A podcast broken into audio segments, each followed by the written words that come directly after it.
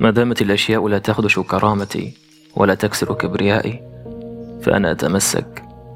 أما في اللحظة التي أهان فيها فإني أفلت إفلاتا لا إمساك بعده ولم يحدث أبدا أن سقط مني شيء ثم انحنيت لألتقطه لطالما كانت كرامتي أكبر من قلبي وهذه من أكثر الصفات التي تعجبني في نفسي.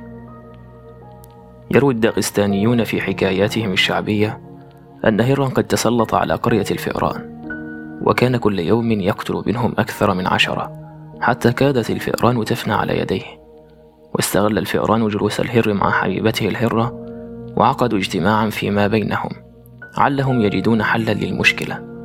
عندها قام فأر كبير في السن تلقبه الفئران بالحكيم وقال لهم إن الهر دوما يباغتنا لهذا هو يملك عنصر المفاجأة. الحل الوحيد أن نعرف الوقت الذي سيهاجم فيه وقد وجدت طريقة لذلك. قالت الفئران بصوت واحد ما الحل أيها الحكيم؟ قال لهم هذا جرس مربوط بحبل. لا نحتاج أكثر من أن يضعه أحدكم حول رقبته عندما ينام. فإذا قام أصدر الجرس صوتا فنعرف من قرع الجرس متى يصير في ناحيتنا. أعجبت الفئران بخطة الحكيم وبقي أمامها التنفيذ. وكلما نظر الحكيم إلى فأر يريد أن يكلفه بهذه المهمة وجد عنده عذرا. أنا بطيء في الركض وسيأكلني الهر لا شك. وقال آخر أنا نظري ضعيف ولا أستطيع عقد الحبل حول عنق الهر وقال ثالث أنا مريض جدا. وهكذا بقيت الخطة قيد التنفيذ حتى أفنى الهر قرية الفئران. قالوا قديما هدف بدون خطة هو مجرد أمنية. وأقول خطة بدون شجاعة التنفيذ هي بناية على الورق لا تصلح للسكن ورسمة لمركب لا يصلح للإبحار. نحن لا تنقصنا الخطة في الغالب. كلنا يعرف ما الذي عليه أن يفعله ولكننا لا نفعله. لهذا نبقى في أماكننا كالجالس على كرسي هزاز يتحرك ولا يسير. نخاصم صديقا ثم نتذكر أيامنا الحلوة معه. تزورنا ذكرياتنا الحلوة. فنمشي خطوة إلى الأمام ويرجعنا الكبرياء خطوتين إلى الوراء. وكلما طال الوقت زادت الجفوة. تبا للكبرياء أقدموا. يحصل بين أخ وأخيه جفاء على شيء من الدنيا والدنيا كلها لا تستحق. فلا هذا يبادر ولا ذاك. ثم إذا مات أحدهما بكاه الآخر ووقف يتقبل به العزاء. ما نفع الدموع بعد فوات الأوان؟ إن وردة نضعها في يد حي أفضل من باقة نضعها على قبر ميت. الحياة تحتاج إلى جرأة والنفس تحتاج إلى تأديب وإلى من يحملها على الحق حملا. نفوسنا تشبه الأطفال. إن تركناهم لأمزجتهم لأمضوا الحياة في اللعب. وإذا أخذنا على أيديهم وأدبناهم بنينا لهم مستقبلا حلوا. أو على الأقل صنعنا إنسانا صالحا. فتحلوا بالشجاعة. يدبر الأمر. أقرأها هذه المرة بقلبي يا الله. أتحسس قدرتك وأستشعر ضعفي. فأبرأ من حولي وقوتي إلى حولك وقوتك. فإنك تقدر ولا أقدر. وأسلم لك بما تريد وإن أوجعني. فإنك تعلم ولا أعلم. وأقتنع بما قسمت لي وإن سولت لي نفسي أنه لا يكفي. فإنك تعطي لحكمة وتمنع لحكمة. وأوقن أن ما كتبته لي فسيأتيني ولو أفلته وما ليس لي لن أناله وإن تشبثت به. فهبني الرضا لأجتاز هذه الحياة قانعا وأرني ما أعطيتني كثيرا لأسعد وقلل في عيني ما منعتني لئلا أحزن. أجمل وصف للحياة هي أنها تستمر رغم كل شيء إنها لا تقف لحادث أليم ولا تتعطل لوقوع مصيبة. تستمر دوما حبلى بالأحداث السعيدة والأليمة والعاقل من فهم أنه لا فرح يبقى ولا حزن يدوم ومن يعتقد أن غاية هذا الكوكب من الدوران هو إلحاق الأذى والضرر به وأن الليل والنهار لا يتعاقبان إلا لإهدائه جروحا جديدة فهذا من أتعس الناس لأنه أشقى نفسه بيديه ولو فهم الدنيا على حقيقتها لأراح واستراح. انظروا إلى كل الكائنات حولكم كيف تتقبل خساراتها وتمضي قدما رغم كل شيء لأن الحياة لا تقف لا على حدث ولا على شخص. تهاجر قطعان الثيران في إفريقيا كل عام. هربا من موسم الجفاف وبحثا عن الماء. وأثناء هذه الهجرة التي هو الغرض منها البقاء على قيد الحياة يتخطفها الموت من كل جانب. بعض الثيران تقع فريسة للأسود التي تكمن لها. وبعضها الآخر تنهشه التماسيح في المياه الضحلة ولكن القطيع يلملم جراحه كل مرة ويتقبل خسارته ويكمل طريقه حتى يصل إلى وجهته.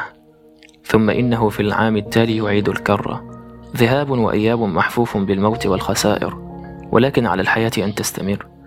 تعرف الثيران قانون اللعبة جيدا. تعرف إنها فرائس مرغوبة للأسود وصيد شهي للتماسيح. ولكنها بالمقابل تعرف أيضا أنها إذا لم تهاجر فستفنى ومن الغريب جدا أن تدرك الثيران بغرائزها ما لا يدركه البعض بعقولهم. ما دامت الحياة مستمرة فالخسائر ستحدث. وحده الموت هو صافرة النهاية. ستبقى الحروب تندلع والحرائق تشتعل. سيبقى الإنسان عرضة للمرض والفشل وفقد الأحبة. سنحب ونفارق. وسنتعلق وتحترق قلوبنا. سنربي الأولاد ليتزوجوا ثم ينتهي بنا المطاف وحدنا. لا أحد يستطيع أن يغير هذه الأمور ولكننا نستطيع أن نغير نظرتنا إلى الحياة. أن نفهم أن الأمور السيئة هي جزء منها وأن أمرا سيئا يحدث لا يعني أن يتوقف كل شيء. بين فترة وأخرى تسقط طائرة ولكن الناس لا يكفون عن ركوب الطائرات. وحوادث السير تقع ولكننا لا نستغني عن السيارات. يموت بعض الأولاد ولكننا لا نتوقف عن إنجاب آخرين. الأخطاء التحكيمية تقع في مباريات كرة القدم ولكن اللاعبين لا يعتزلون ونحن لا نتوقف عن مشاهدتهم. متى ما فهمنا أن الحياة لا شأن شخصي لها مع أحدنا وإنما كانت كذلك قبل مجيئنا وستبقى هكذا بعد رحيلنا. استطعنا أن نتعامل معها بواقعية ومنطق. لست أقول إنه من فهم الحياة أن يحب المرء الخسائر ولا أن يجلس منتظرا وقوع المصائب. ما أقوله أن نعمل جيدا كي لا نخسر وأن نسعى لنعيش سعداء. ولكن متى وقعت الأمور السيئة فعلينا تقبلها. لا سبيل آخر أمامنا لأن الحياة لن تتوقف لأن أحدنا قرر أنها ليست عادلة. وإن الذي يتعامل مع الحياة بعقلية أنه مستهدف منها يصيبه ما أصاب الحية. تقول الحكاية إن حية دخلت إلى منجرة في الليل وكان النجار قد اعتاد أن يترك عدته على الطاولة وبينما كانت الحية تتجول في المنجرة والظلام دامس مرت بجسدها الطري فوق المنشار مما تسبب لها ببعض الجروح. أرادت أن تدافع عن نفسها فعضت على المنشار ونفثت سمها فيه فجرح فمها فاعتقدت أن المنشار عدو متربص بها. فقامت بلف نفسها حوله محاولة خنقه كما تفعل مع فرائسها فتقطعت وماتت. المغزى من القصة أن أول جرح كان مجرد حادث وكان على الحية أن تكمل طريقها في اللحظة التي اعتقدت فيها أن المسألة شخصية أخذت تحارب في معركة خاسرة وكثيرون منا يتعاملون مع الحياة بمنطق الحية مع المنشار يأخذون كل شيء على أنه مسألة شخصية. لا مجرد حادث عابر. قال تعالى فأراد ربك أن يبلغا أشدهما ويستخرجا كنزهما. ثق بالله إن في تأخير الأعطيات حكمة وإن غابت عنك. بعض الأشياء لو حصلنا عليها باكرا لأضعناها. إن التوقيت جزء من الإجابة ولكن الإنسان عجول وفي المنع رحمة وإن لم تدركها. وكم بكينا على أشياء نريدها بشدة ثم مضى الوقت فاكتشفنا أن الخير كان في ألا نعطاها. مع الوقت ستعرف حكمة الله في كل شيء حدث لك. مع الوقت ستعرف أن ما أراده الله لك كان خيرا مما أردته لنفسك. في كتابه خرافات منتقى يروي لافونتين القصة التالية. كان رجل عاقل يسير وحده فأزعجه شخص أحمق راح يرمي الحجارة على رأسه فالتفت إليه وقال له أيها الشاب العزيز لقد أجدت الرمي. أرجو أن تتقبل مني هذه النقود. فقد عملت بمشقة يستحق معها أكثر من كلمة شكر. ولكن هل ترى ذاك الرجل الذي هناك؟ إنه يستطيع أن يدفع لك أكثر مني. فارمه ببعض حجارتك وستكسب أجرا جيدا. وأغرى الطعم ذاك الشاب وهرع ليكرر الإهانة نفسها للرجل الذي ظن أنه سيكسب منه مالا أكثر.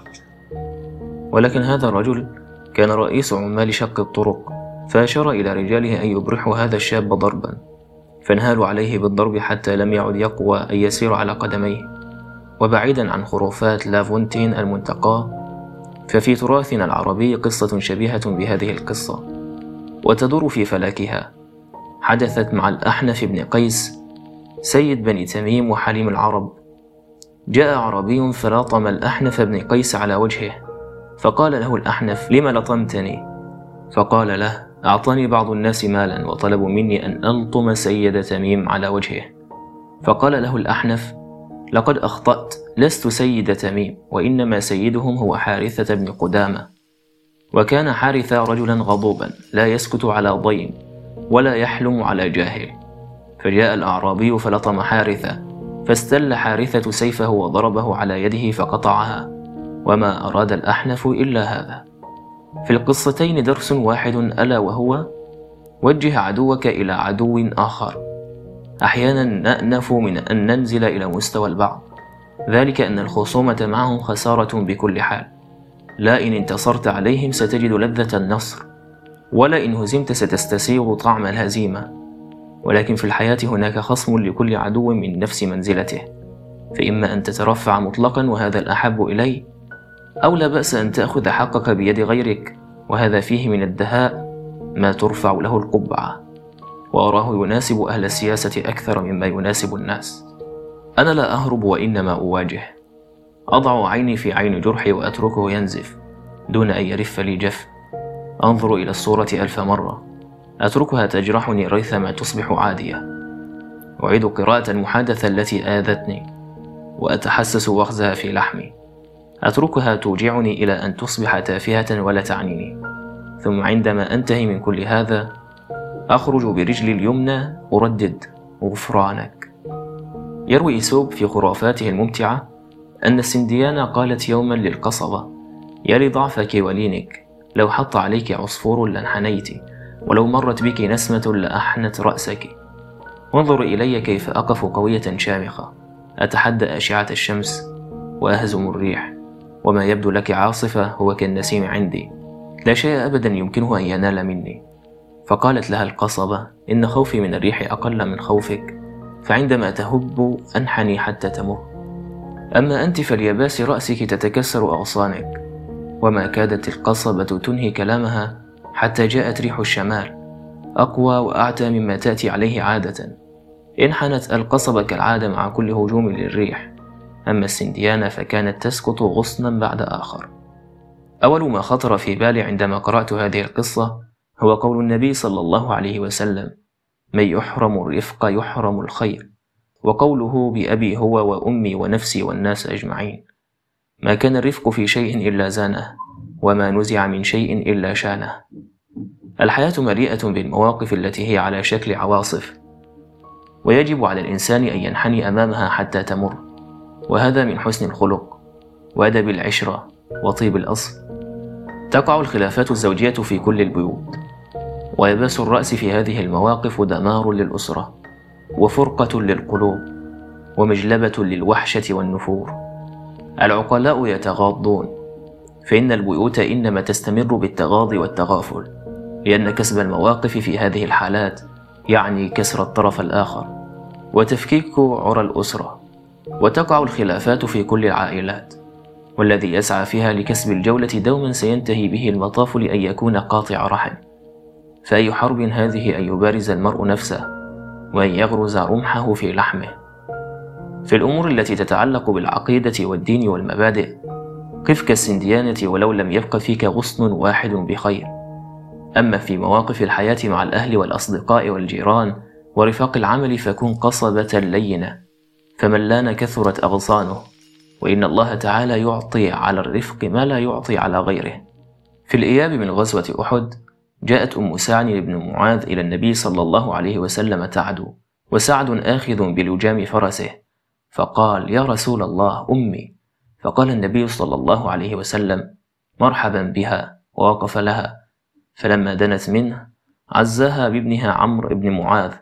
فقالت أما إذ رأيتك سالما فقد هانت المصيبة وأنت يا صاحبي علام الحزن.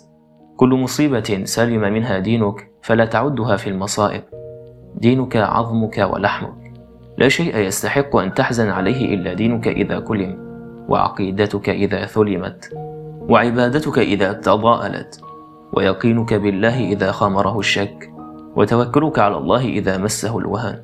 ما عدا ذلك حوادث تجري. وأقدار تقع وإنما هي أيام والموعد الجنة بإذن الله.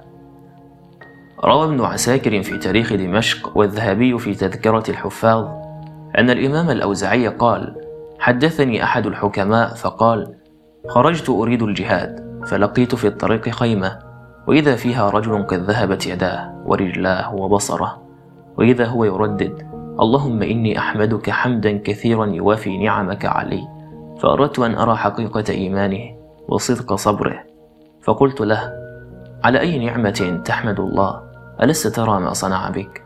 فقال لقد وهبني لسانا ذاكرا وجسدا على البلاء صابرا ولو صب علي نارا من السماء فأحرقتني ما ازددت له إلا حبا وإني لي إليك حاجة فهل أنت قاضيها لي؟ قلت له على الرحب والسعة فقال لي ولد كان يتعاهدني للوضوء عند صلاتي وبالطعام عند إفطاري وقد فقدته منذ البارحة فهل لا تبحث عنه وتأتيني بخبر منه؟ فخرجت في طلب الغلام ولما صرت بين كثبان الرمل إذا بسبع قد افترسه وهو جالس يأكل منه. فقلت إنا لله وإنا إليه راجعون كيف أخبره؟ فألهمني الله أن أبدأه بالعزاء قبل الخبر. فأتيته فسلمت عليه فرد السلام فقلت إني سألتك عن شيء أتخبرني به؟ قال إن كان عندي منه علم أخبرتك. قلت أنت أكرم على الله منزلة أم أيوب عليه السلام؟ قال بل أيوب أكرم على الله مني وأعظم منزلة. قلت أليس الله تعالى قد ابتلاه فصبر حتى استوحش منه من كان يأنس به؟ قال بلى. قلت فإن ابنك قد افترسه السبع. فقال الحمد لله الذي جعل في قلبي حسرة من الدنيا ثم شهق شهقة فمات. فجعلت أبحث من يعينني على غسله وتكفينه فبينما أنا كذلك إذا برجال خرجوا للجهاد كحالي فناديت عليهم فأقبلوا وحدثتهم بخبره فدعوا له وقاموا معي حتى غسلناه ودفناه. فرأيته في تلك الليلة في المنام في الجنة عليه ثياب خضر فقلت أليس أنت صاحبي؟ قال بلى. قلت فما الذي أنزلك هذه المنزلة؟ فقال هذه منزلة الصابرين في البلاء الشاكرين في الرخاء. يقول الأوزاعي فما زلت أحب أهل البلاء مذ حدثني الحكيم بهذا الحديث. ليس هناك عمل أحب إلى الله من الرضا عن قضائه. أن يتأدب العبد معه أن يعرف أنه مهما ابتلي فهو عبد وأن الله تعالى مهما ابتلى فهو رب. والعبد لا يكون إلا في رضا سيده وما وصل إلى الله إلا الذين انعقد هذا الإيمان في قلوبهم. أصيب أعرابي في زرع لم يكن له غيره وكان بأرض قفر بعيدة فرفع يديه إلى الله يقول يا رب اصنع ما شئت فإن رزقي عليك. وضربت صاعقة شياه أعرابية فلم يبق عنده شاة واحدة منها فقالت إن مصيبة تخطتني إلى شياهي. لمصيبة تستحق الحمد. لك الشكر يا رب. هذه هي الدنيا دار بلاء وكدر ومشقة. فيها عطاء وفيها أخذ فيها عافية وفيها مرض فيها أمن وفيها خوف فيها اجتماع وفيها فرقة. والسعيد فيها من كان مع الله على كل حال. إذا نزل به ما يحب شكر وإذا نزل به ما يكره صبر. ارض بأقدار الله فإن السخط لا يغيرها ولكنه يجمع عليك مرارة الدنيا وخسران الآخرة. والله ثم والله أني زرت مئات المرضى فرأيت منهم صبرا عجيبا ورضا عن الله يخجل المرء من نفسه حين يراه. ولكن حدثا لا أنساه ما حييت. ما زلت كما تذكرته يعتصر قلبي ألما له. زرت مرة مريضا كبيرا في السن فجلست أصبره. إن الله إذا أحب عبدا ابتلاه.